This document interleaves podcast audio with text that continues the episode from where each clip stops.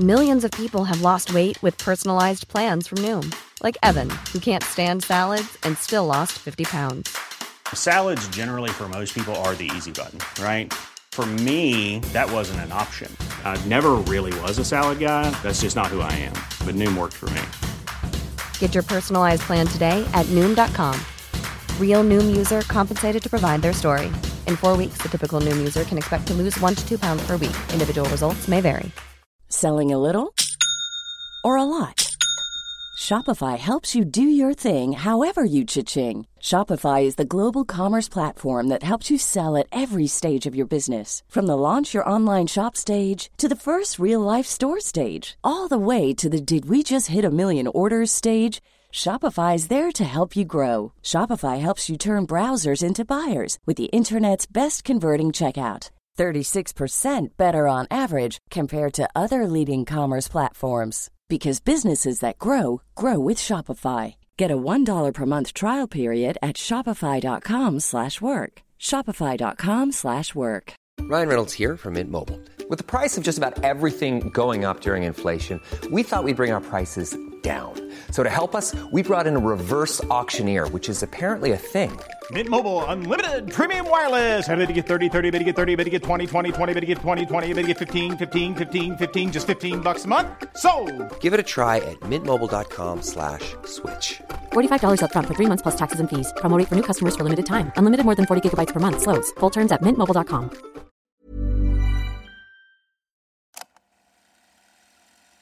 Du lyssnar på en produktion av Novel Studios.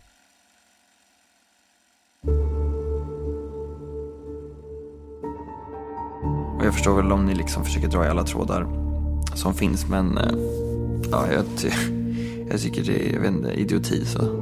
Känner du att du skyddar någon? Det är också så att vi har gjort en husrannsakan i båten och då har vi gjort vissa fynd där. Okej, Hur tänker du om det idag? Det är ändå din pappa det handlar om. Ingen kommentar. Vad skulle du säga om han har ljugit för dig? Vad heter sambon? Eh, Leonard Höglind. 1652 så skickar du till Leo. Har vi silvertejp? 1704 svarar Leo nej. Leo skriver älskar dig. Jag undvek ju att vara ensam i samma rum som Mikael. Exempelvis ifall han skulle, jag vet inte, strypa mig bakifrån. På ren fråga Leo. Vad tror du vi tror fanns i den väskan? Mikaels kropp. Det här är Förhörsrummet. En podcastserie som återberättar förhör från autentiska fall. I det första fallet, som består av sju delar, följer vi förhören från det omtalade styckmordet i Karlskrona. Förhören är hämtade från förundersökningen, ordagrant återgivna och gestaltade av skådespelare. Av hänsyn till närstående och övriga inblandade är vissa namn ändrade och särskilda partier utelämnade. Vi hör också Gunilla Blomberg som är kriminalpolis och specialist och utbildare i förhörsteknik.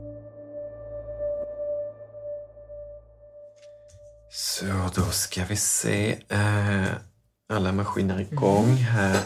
Leo, ehm, jag tror helt enkelt vi gör som så att vi ger ordet till dig Leo eftersom att du är påkallad förhöret. Ja. Eh, det är alltså så att vi dödade Mikael. Okej. Jag hade tänkt säga det förra gången, men jag fegade ur. Okej. Anatoly och Leonard delges tidigt misstanke om brott, men förnekar inblandning. Men nu, den 30 oktober, väljer Leonard att erkänna. Vi vill uppmärksamma att känsligt innehåll förekommer i det här avsnittet. Av hänsyn till närstående är detaljer ur förhören med Leonard utelämnade. Förhör med Leonard Höglind den 30 oktober 2020. 97 dagar sedan Mikaels försvinnande.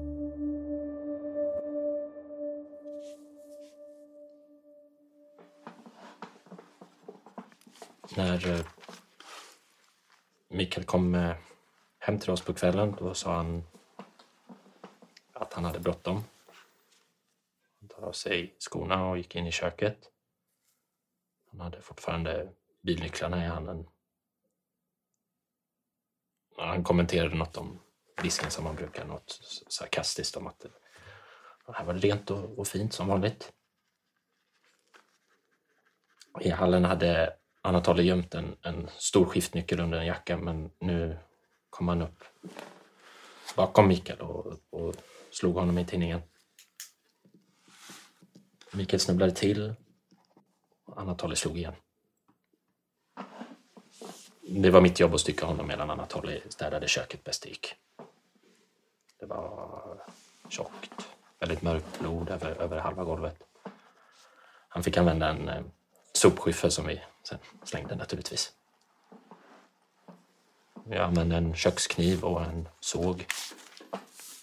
Jag hade kläder som jag ändå skulle slänga och två förkläden på mig av plast.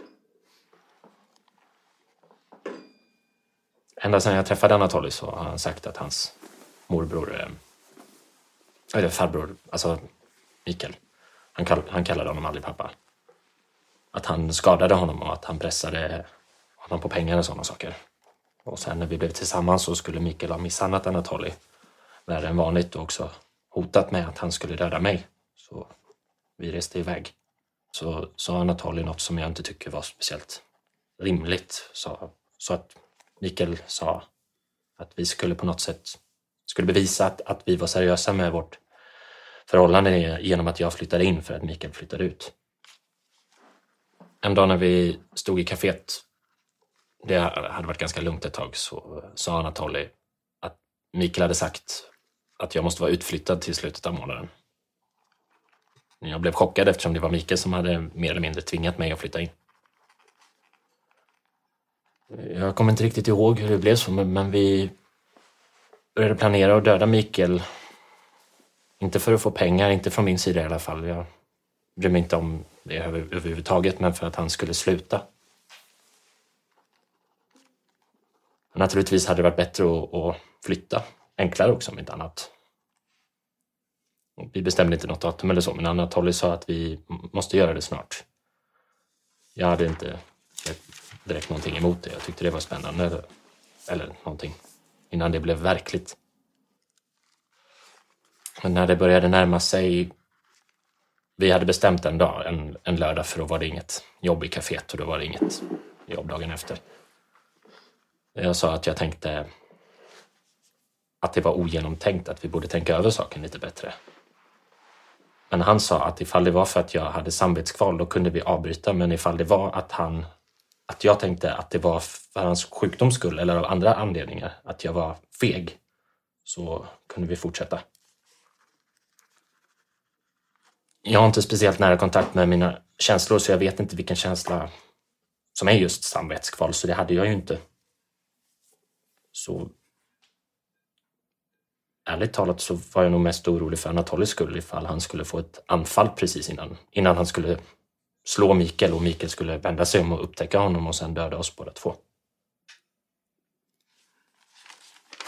Sen på kvällen när det skedde, jag hade kommit hem från kaféet, hade mött Mikael där några timmar tidigare. Eh, så åt vi lite mat och tittade lite på film tills det ringde på dörren. Då vände sig Anatoly mot mig och sa nu är det, nu är det för sent att ångra sig. Vi hade bytt om så att vi båda hade kläder som, som eh, skulle slängas. Så jag hade ett par jeansshorts och en blå tröja, tror jag. Och han hade ett par shorts och en vit tröja där det står Karlskrona Jollyklubb.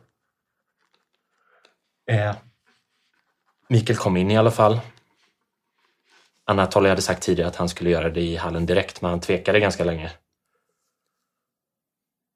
Kändes som ett helt år.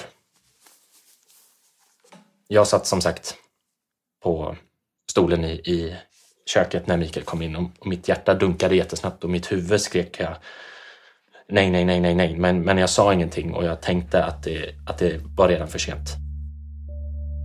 Leonard berättar att han och Anatoly åker ut med båten till en ö i skärgården.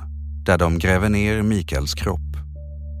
Resväskan, som diskuterats flera gånger i tidigare förhör, dumpar de i vattnet med hjälp av ett ankare. I väskan finns en del av Mikaels tillhörigheter och även skräp som paret behöver göra sig av med.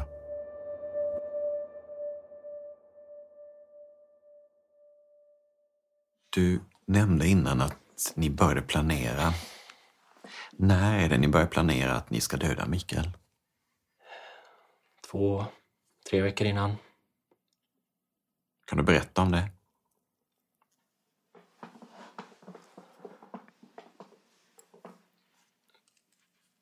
Vi pratade om ifall vi skulle köra ut i skogen, ifall vi skulle ta Mikaels bil eller ifall vi skulle hyra en.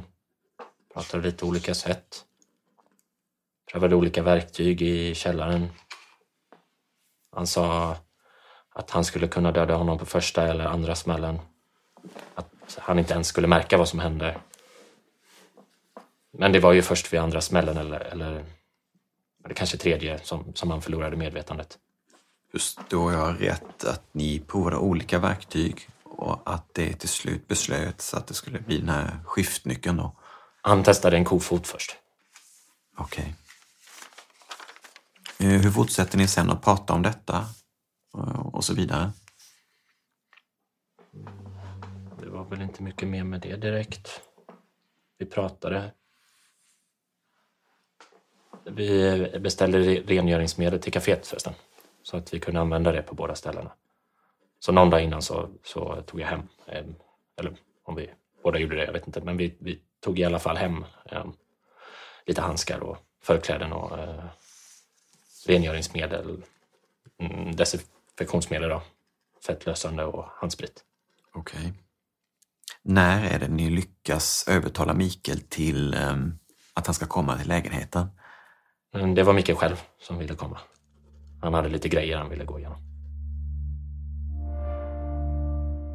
Ett erkännande har egentligen inget värde mer än ett förnekande. Det är ingen skillnad. Alltså, vi måste utreda. Gunilla Blomberg är polis och utbildare inom förhörsteknik. Vi har ju falska erkännanden. Ni vet, det finns ju folk som tar på sig brott för andra. Eh, så det här i sig räcker aldrig till en fällande dom att man erkänner det ska finnas bevis som styrker att man faktiskt har begått brottet likväl som förnekanden. Så det är egentligen ingen skillnad. Eh, och eh, i, i grova brott så är det en ännu högre beviskrav än mot till exempel kanske en eh, ringa stöld.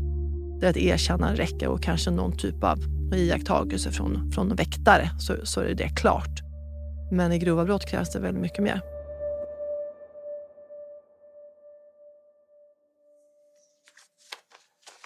Ehm, jag har en liten tanke här, Leo. Du nämnde att ni, ehm, när vi frågade om det, när det här började planeras och när ni började tänka på det här så sa du en, två, tre veckor innan, om jag inte minns fel, var, sa du det? Kan det vara som så att det är ännu tidigare? Snarare tre än två veckor kanske. Kanske, kanske fyra, men jag tror snarare tre. Jag tror vi har gått in på det förut. Det har ju slagits lite konstiga frågor på eh, väldigt eh, anmärkningsvärda frågor på nätet exempelvis och sådär som vi har pratat om i förhör. Och det är ju tidigare än tre veckor. När var det? Jo, det kan jag ta reda på exakt här. Jag ska se.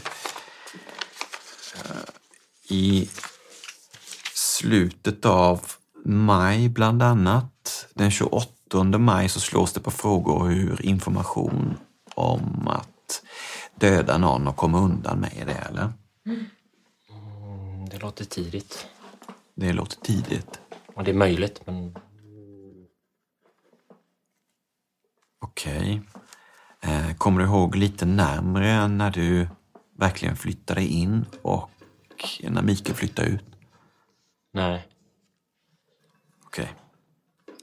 Vem var det som först förde dig på tal, som kom med idén?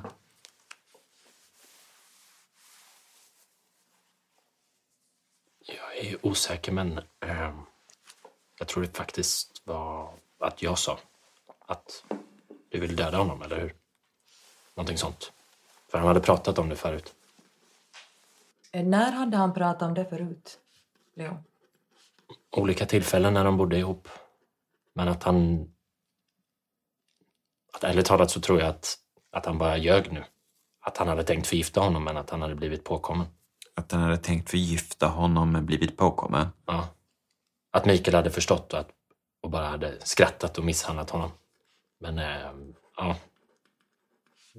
Det verkar som att han inte riktigt har världens bästa verklighetsuppfattning. Nej. Eh, Det här med att Anatoly säger att han hade bl- blivit slagen av Mikael och så vidare. Är det någonting som av det som du har sett någon gång? När de slåss? Nej, men jag har sett dem bråkas och stå och skrika på varandra. Mest har det varit Anatoly som skrikit, men eh, han har som sagt han haft den här paniken som inte ens jag kan slå fel på. Den är verkligen ren skräck. Är det det du baserar det på, hur eh, Anatoly uppför sig?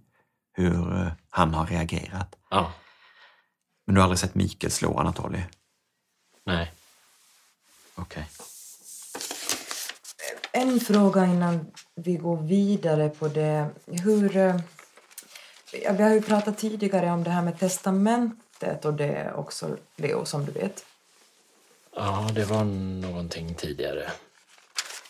Anatoly ville inte att den lilla summa pengar han har ska gå till hans föräldrar. De har ingen bra kontakt. Nej. Eh, hade det någonting i samband med detta att göra? Nej. Nej, oh, okej.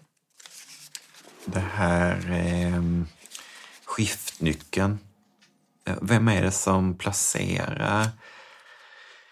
Du sa att den var gömd bakom en jacka. Eh, sa du det? Under en jacka på skohyllan. Mm, under en jacka på skohyllan. Okej. Eh, vem är det som har lagt den där och, och gömt den där? Anatoly. Är, är det rätt då, om vi får uppfatta eh, det hela rätt, att den är lagd där i syfte att användas vid det här tillfället då? Okej. Eh, De här inköpen av tejp och ståltråd, eh, hur har ni resonerat kring det? Inte överhuvudtaget. Det är han som har skött den delen. Jag tycker ärligt talat att det var ganska korkat med tanke på att vi har tejp i lokalen. Okej. Tejpen har du ju gett förklaring till att, eh, om vi förstår det hela rätt, att du tejpade ihop plastpåsarna. Ja, fast det har knappast varit nödvändigt. Som sagt så tror jag att vi hade eltejp i lokalen så jag tror han blev lite ivrig Okej. och började shoppa loss. Vad var tanken med ståltråden? Ingen aning, vi använde den inte till någonting. Inte? Inte vad jag kommer ihåg. Hur var ankaret fäst med i väskan? Han kan inte vara fäst med i ett rep sen tidigare och repet band vi kring handtagen och runt. Eller han gjorde. Okej. How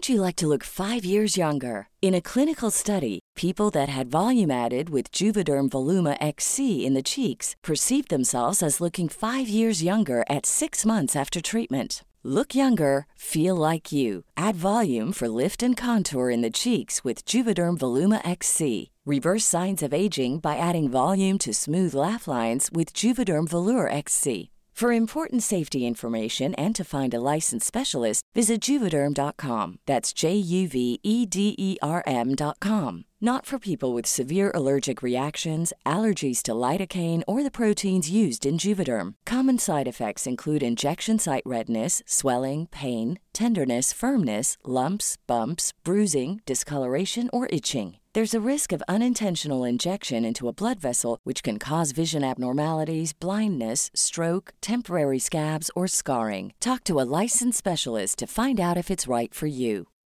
Millions of people have lost weight with personalized plans from Noom, like Evan, who can't stand salads and still lost 50 pounds. Salads, generally, for most people, are the easy button, right? For me, that wasn't an option. I never really was a salad guy. That's just not who I am. But Noom worked for me. Get your personalized plan today at Noom.com. Real Noom user compensated to provide their story. In four weeks, the typical Noom user can expect to lose one to two pounds per week. Individual results may vary.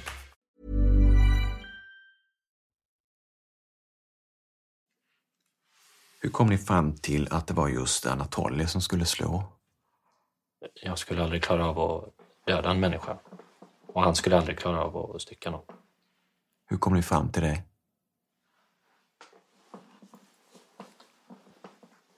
Svårt att säga, men bara så det kändes. Men det stämde ju också. Ja, du menar att det blev så till slut? Ja.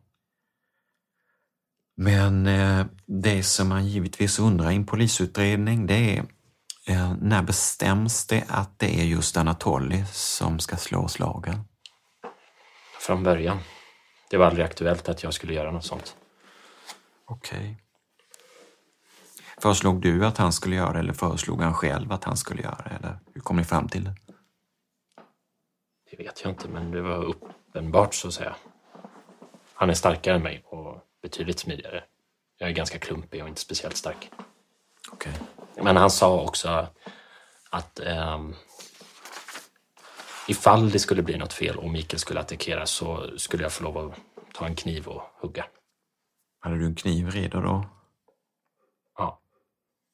Var hade du den kniven någonstans? På köksbordet.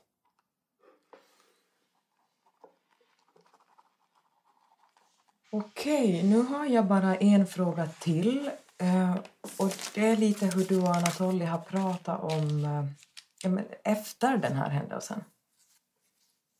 Efter så var det att Mikael skulle anmälas försvunnen och sen inte hittas. I och med att Anatoly sa att, att han var involverad i organiserad brottslighet så antog vi, eller jag, att det skulle komma, att det, att det skulle komma fram, att det skulle antas att han blivit bortförd på det viset. Men sen har jag insett att det aldrig stämde överhuvudtaget. Hade ni någon plan om det skulle bli så att eh, vi skulle prata mer med er? Vad ni skulle säga? Eller har ni pratat om något sånt? Att vi skulle häktas eller hamna i arresten var aldrig något tal om det.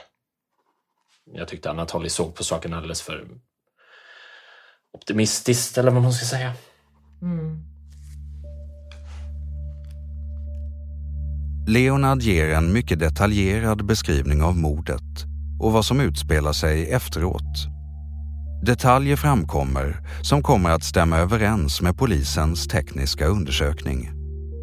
De uppgifter Leonard lämnar kommer också att leda till att Mikael kan hittas. Förhör med Leonard Höglind den 5 november 2020. 103 dagar sedan Mikaels försvinnande. Och sex dagar sedan erkännandet.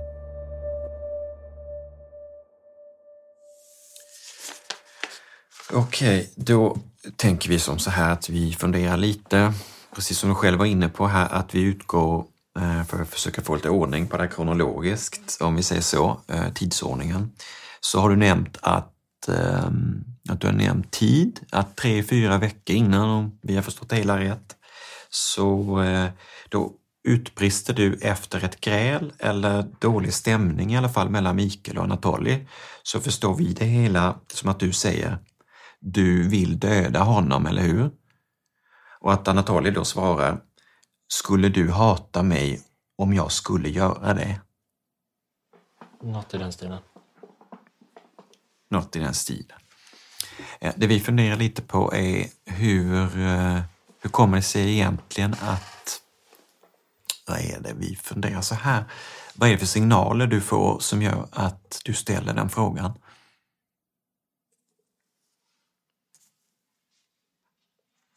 vet att Anatoly hatar Mikael.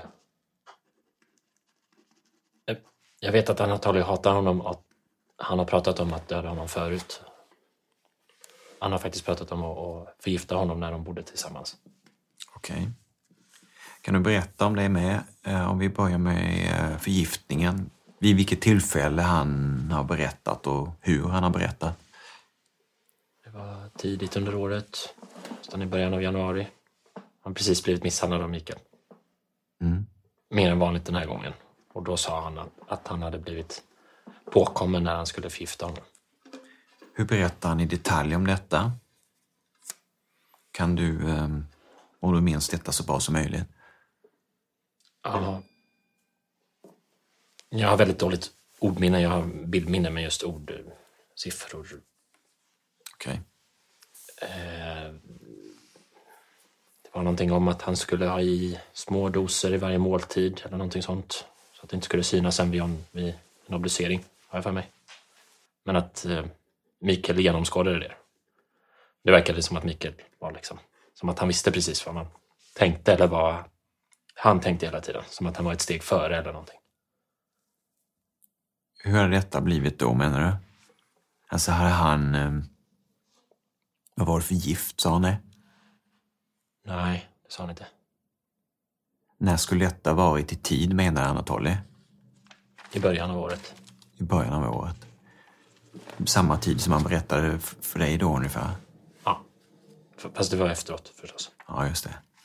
Var, var ni ett par då vid det här tillfället när han berättade för dig? Nej. Nej. Det, vi, det blev vi på slutet av våren någon gång. Mm. Men då har vi ändå, eh, då har vi ändå Leo, en viss tid där mellan januari fram till detta hände i juli. ju. Det är ju ett halvår. Ja. Kan du berätta vad som sen händer? Från hur mer pratar en sån här sak eh, från januari framåt? Jag kommer inte ihåg det som att vi pratar om det, om, om den specifika saken. Som jag kommer ihåg. Eller Jag har i alla fall inte varit involverad i det, eller vad man ska säga. Nej, okej. Det har bara varit eh, att, eh, att Mikael har slagit Anatoly och att Anatoly inte har kunnat slå tillbaka, eller vad man ska säga. Är detta någonting du har hört i tidsperioden mellan januari till detta händer i juli från Anatoly? Om, eh. Nej, jag tänker det här med att Anatoly hatar Mikael och att Mikael har slagit Anatoly. Är det någonting ni pratat om? Det har vi pratat om en del under hela, under hela vår bekantskap, eller vad man ska säga. Så det, är- det är inte... Anatoly sa att han inte slagit Mikael, utan det var Mikael som har slagit honom. Att han blivit som paralyserad när Mikael har börjat slå honom och sånt.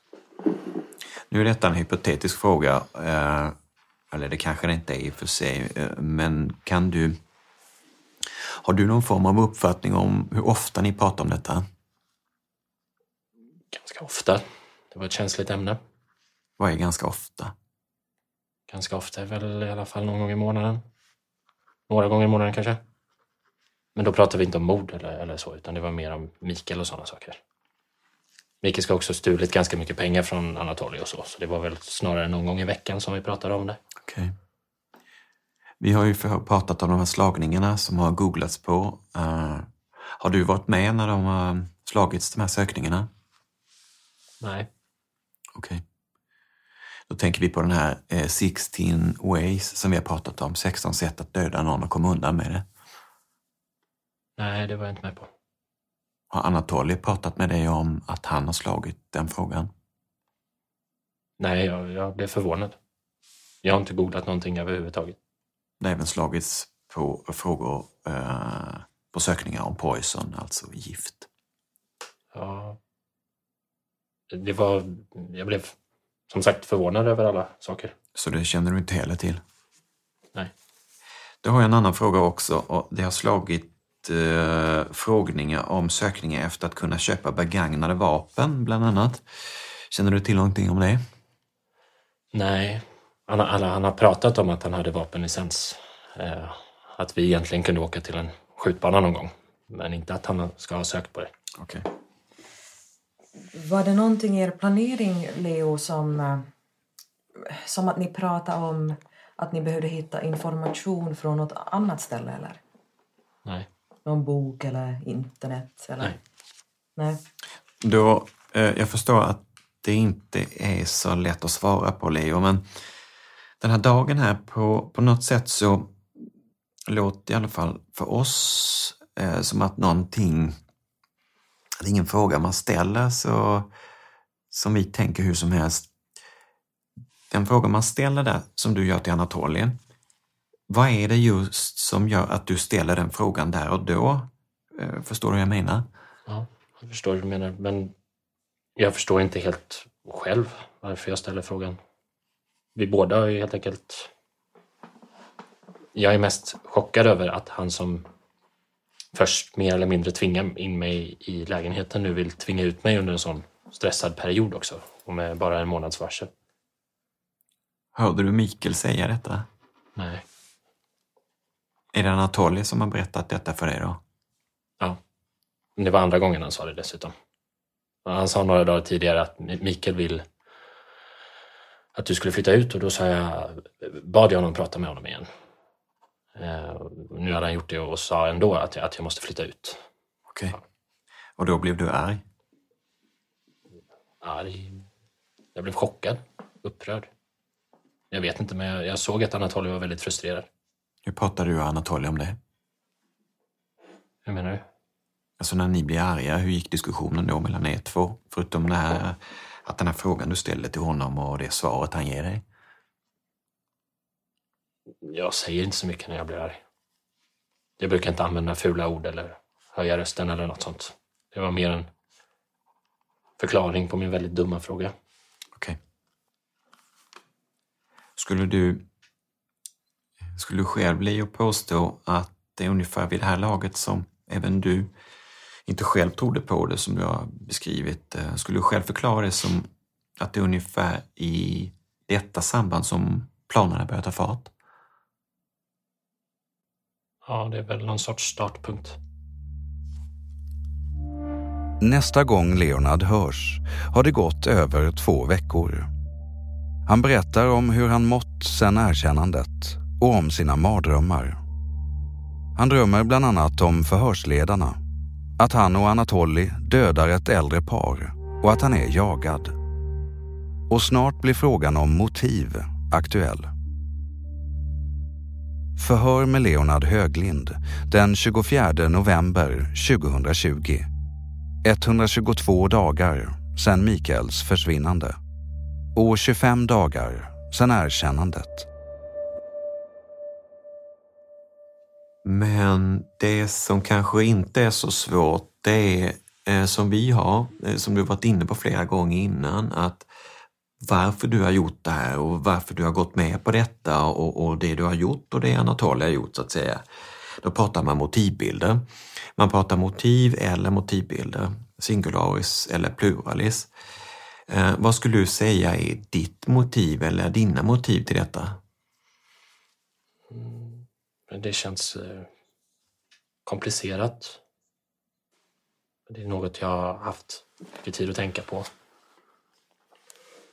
Men min anledning till att det kunde bli så här, det var väl en väldigt stark underliggande stress.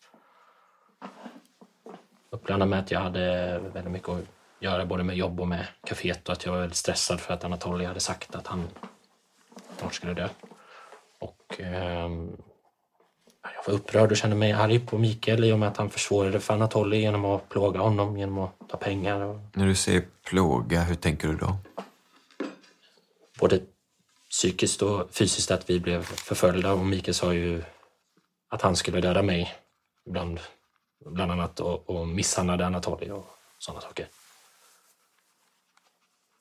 Sen blev det väl någon sorts extra stress där jag kände att jag hade funnit någon sorts trygghet i, i lägenheten att det var ju meningen att, att jag skulle bo där. Anatoly sa att det var, att det var, hans, att det var hans lägenhet och sen det var ju Mikael som, som mer eller mindre hade tvingat mig att flytta dit enligt min förståelse. Och sen plötsligt så hade jag bara en månad på mig att flytta ut igen och hitta någon annanstans att bo. Det kändes bara så hopplöst. Jag ville bara att det skulle liksom ta slut på något sätt. Kändes inte som att det fanns något slut i sikte. Jag tror jag förstår. Eh, du har svarat på detta innan, eller berättat om det innan i alla fall. Eh, men hade du någon...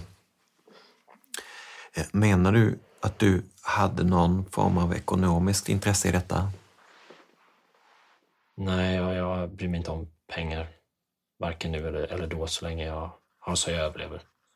Men under juni har jag för mig så hade vi det lite kärvt. Jag betalar ju alla räkningar och hyra och hade dessutom lånat jag har lånat Anatoly, jag, jag tror 23 000 någonting för att han skulle kunna betala hyran flera månader tidigare. Och hade dessutom lånat 20 000 till kaféet och gjort fel på mitt CSN. Så, så en månad så hade vi det lite kärvt och åt bara konserver men det var fortfarande så vi liksom klarade oss. Det fanns ju fortfarande en buffert så att säga. Jag behövde inte fråga mina föräldrar om hjälp. Jag behövde inte fråga mormor om hjälp med någonting sånt, utan vi, vi klarade oss.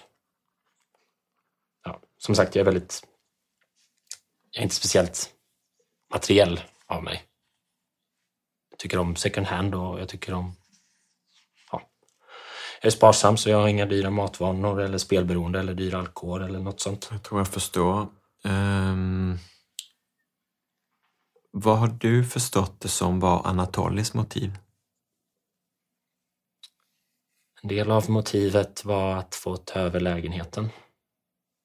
Eh, en stor del av mitt motiv var som sagt att den otryggheten och vad jag förstod det som misshandeln och alltså alltid överhängande hotet av att bli skjuten eller någonting sånt. Så jag vet inte ifall han tänkte att han ville skydda mig eller skydda sig själv. Något arv. Jag tror i början av att han pratade om arvspengar men det var det sköt vi undan ganska snabbt. Det var ju meningen att Mikael skulle försvinna spårlöst och då blir man ju inte dödförklarad på ganska länge så pengar var inte, inte något främsta motiv utan det hade vi pratat om, om, om innan att det inte skulle komma några pengar på många månader så det var inte något akut behov utav det. I vilket läge var det ni pratade om arvspengar? Det var när vi pratade om Eh, eller nej, det var ganska tidigt. Det var när Anatoly som tog upp det då. Ja, innan vi hade bestämt hur vi skulle, om vi skulle gömma kroppen. Det var nästan nog det första. Jag tror till och med första dagen eller andra dagen. För jag tror hans första plan var att Mikael skulle hittas, för då hade han väl fått pengar snabbt. Men vi släppte den idén rätt så omedelbart.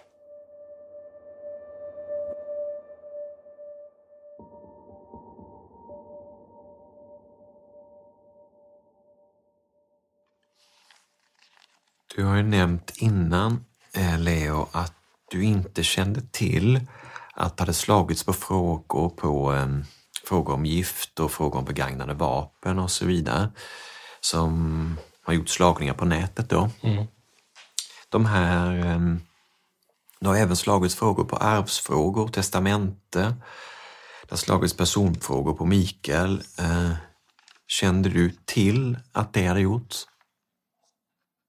Nej, ifall det har med testamentet så har det i så fall varit med Anatolis testamente.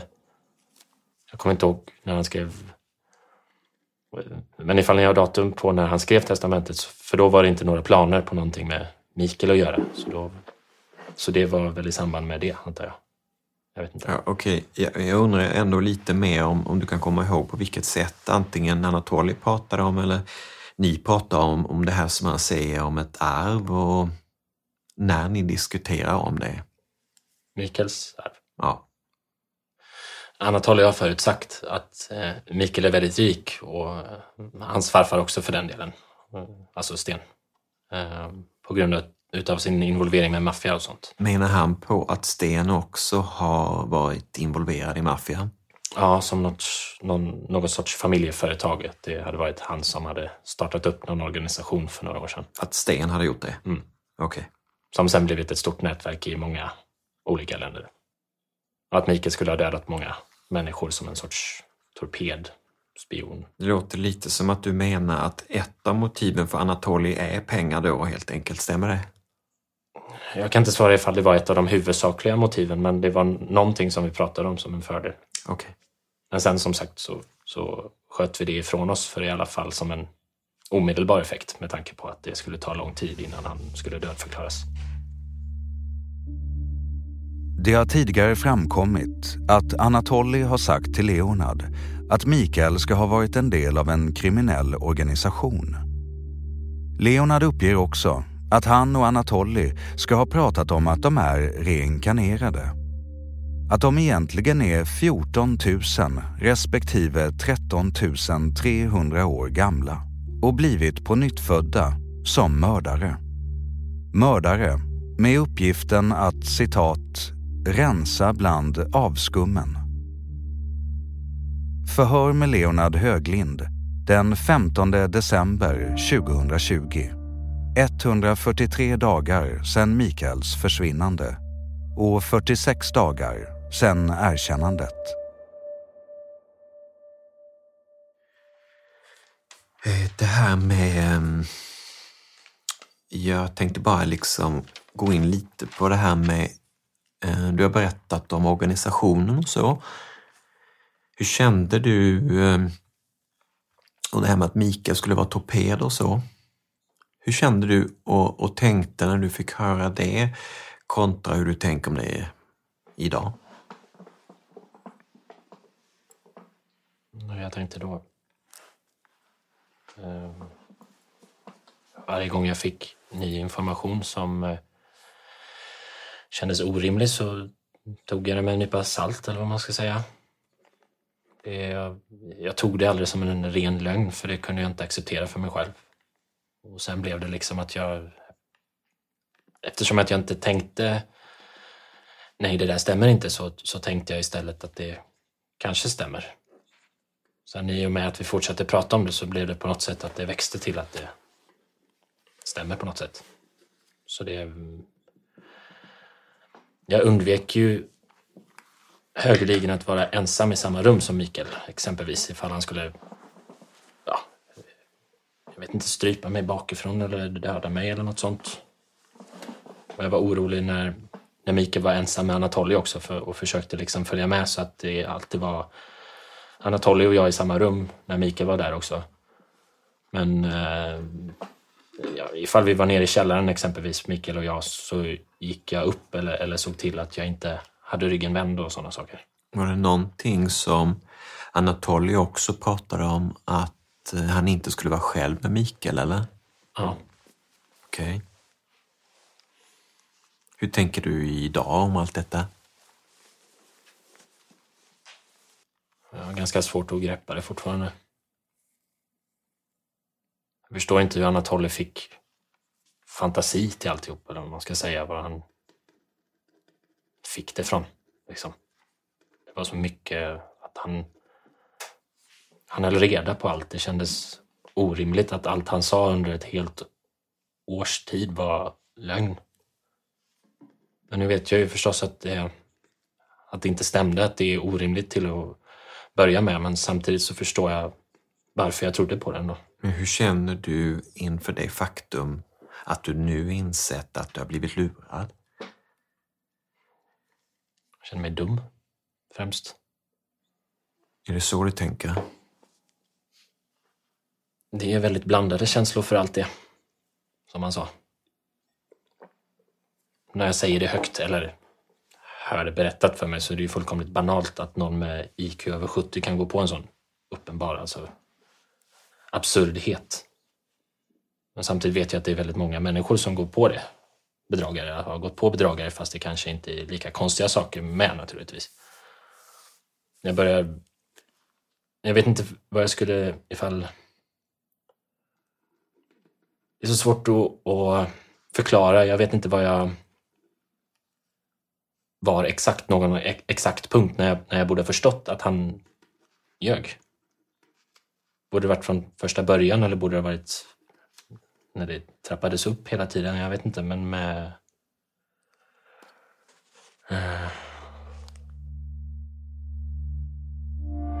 Jag utbildar väldigt många utredare, både civila och polis. Och generellt sett så, så tror jag alla efter våra utbildningar säger att objektiviteten är det viktigaste. För det tycker jag det är någonting som vi måste för att göra en robust förundersökning, utreda alternativa förklaringar för att få en bra förundersökning som är rättssäker och korrekt så är det väldigt viktigt att vi jobbar objektivt.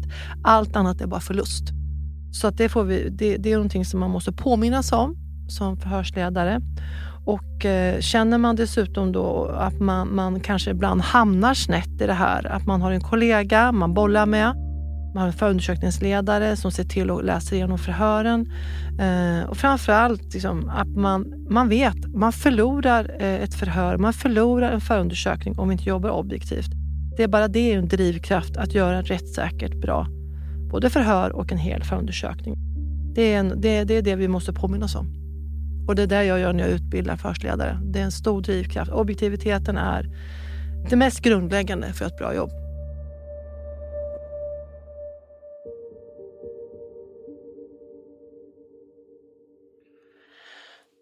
Ja. Nu, nu, som sagt, när jag inte tänker skydda Anatoly mer så kan jag berätta att han var väldigt exalterad över att vi skulle döda Mikael och han pratade om att han har längtat efter det sedan han var liten. Okej. Och så när jag ställer frågan till honom, du vill döda Mikael, eller hur? Jag visste redan svaret på den frågan. Okej. Det var ingen fråga om saken, det bara bekräftade vad han tänkte. Hur menar du, eh, om du får beskriva för oss, eh, vad menar du med att han var exalterad? Vad tänker du då? Han var upprymd.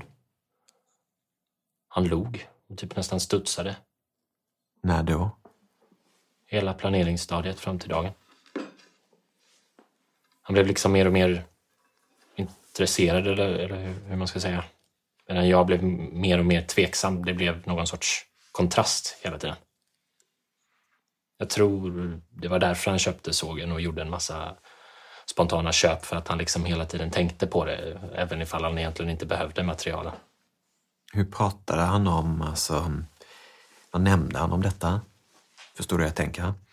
Hur, hur yttrade han sig om den här dagen som skulle komma? Mm, Vi pratade ju en del om olika scenarion och sådana saker. Ja. Vilket som skulle vara det bästa sättet att göra sig av med kroppen och sådana saker. Det bestämde vi ju. Eller det hade vi redan bestämt när vi utförde det så att säga. Men vi pratade hela tiden ifall det fanns något annat sätt som var bättre och sådana saker. Just det. Jag tänker Leo, hur du vet att det just var detta han var upprymd över. Att du märkte den skillnaden. Jag märkte ju när han pratade om olika saker. Och när han pratade om det här så log han brett. Och han sa som sagt Jag har längtat efter det här sedan jag var liten.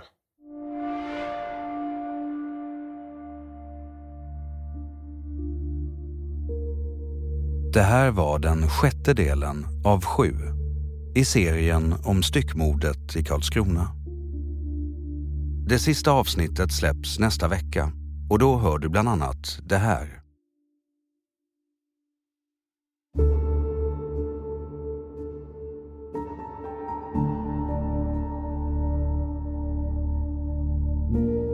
Om vi börjar med att säga så här. Varför blev det som det blev enligt dig? Det är vad som står bland annat om dig. Eller det är vad som står om dig, men det står mer. Det här står uttryckligen att du har hittat på grejer för att bo själv. Det står uttryckligen att du har ljugit. Det här att jag trodde att mina föräldrar hade förgripit sig sexuellt på mig. Jag vet rätt logiskt att det inte hände men däremot det har liksom gjort att jag rent emotionellt har upplevt att eh, ett stort hat mot min pappa helt enkelt. Är det något spontant du vill prata om Anatoly eftersom att du har, du har fria ordet menar jag? Inte just nu. Inte just nu. Nej. Jag känner att det viktigaste har jag fått ut. Sen tar jag det andra när, när jag är redo.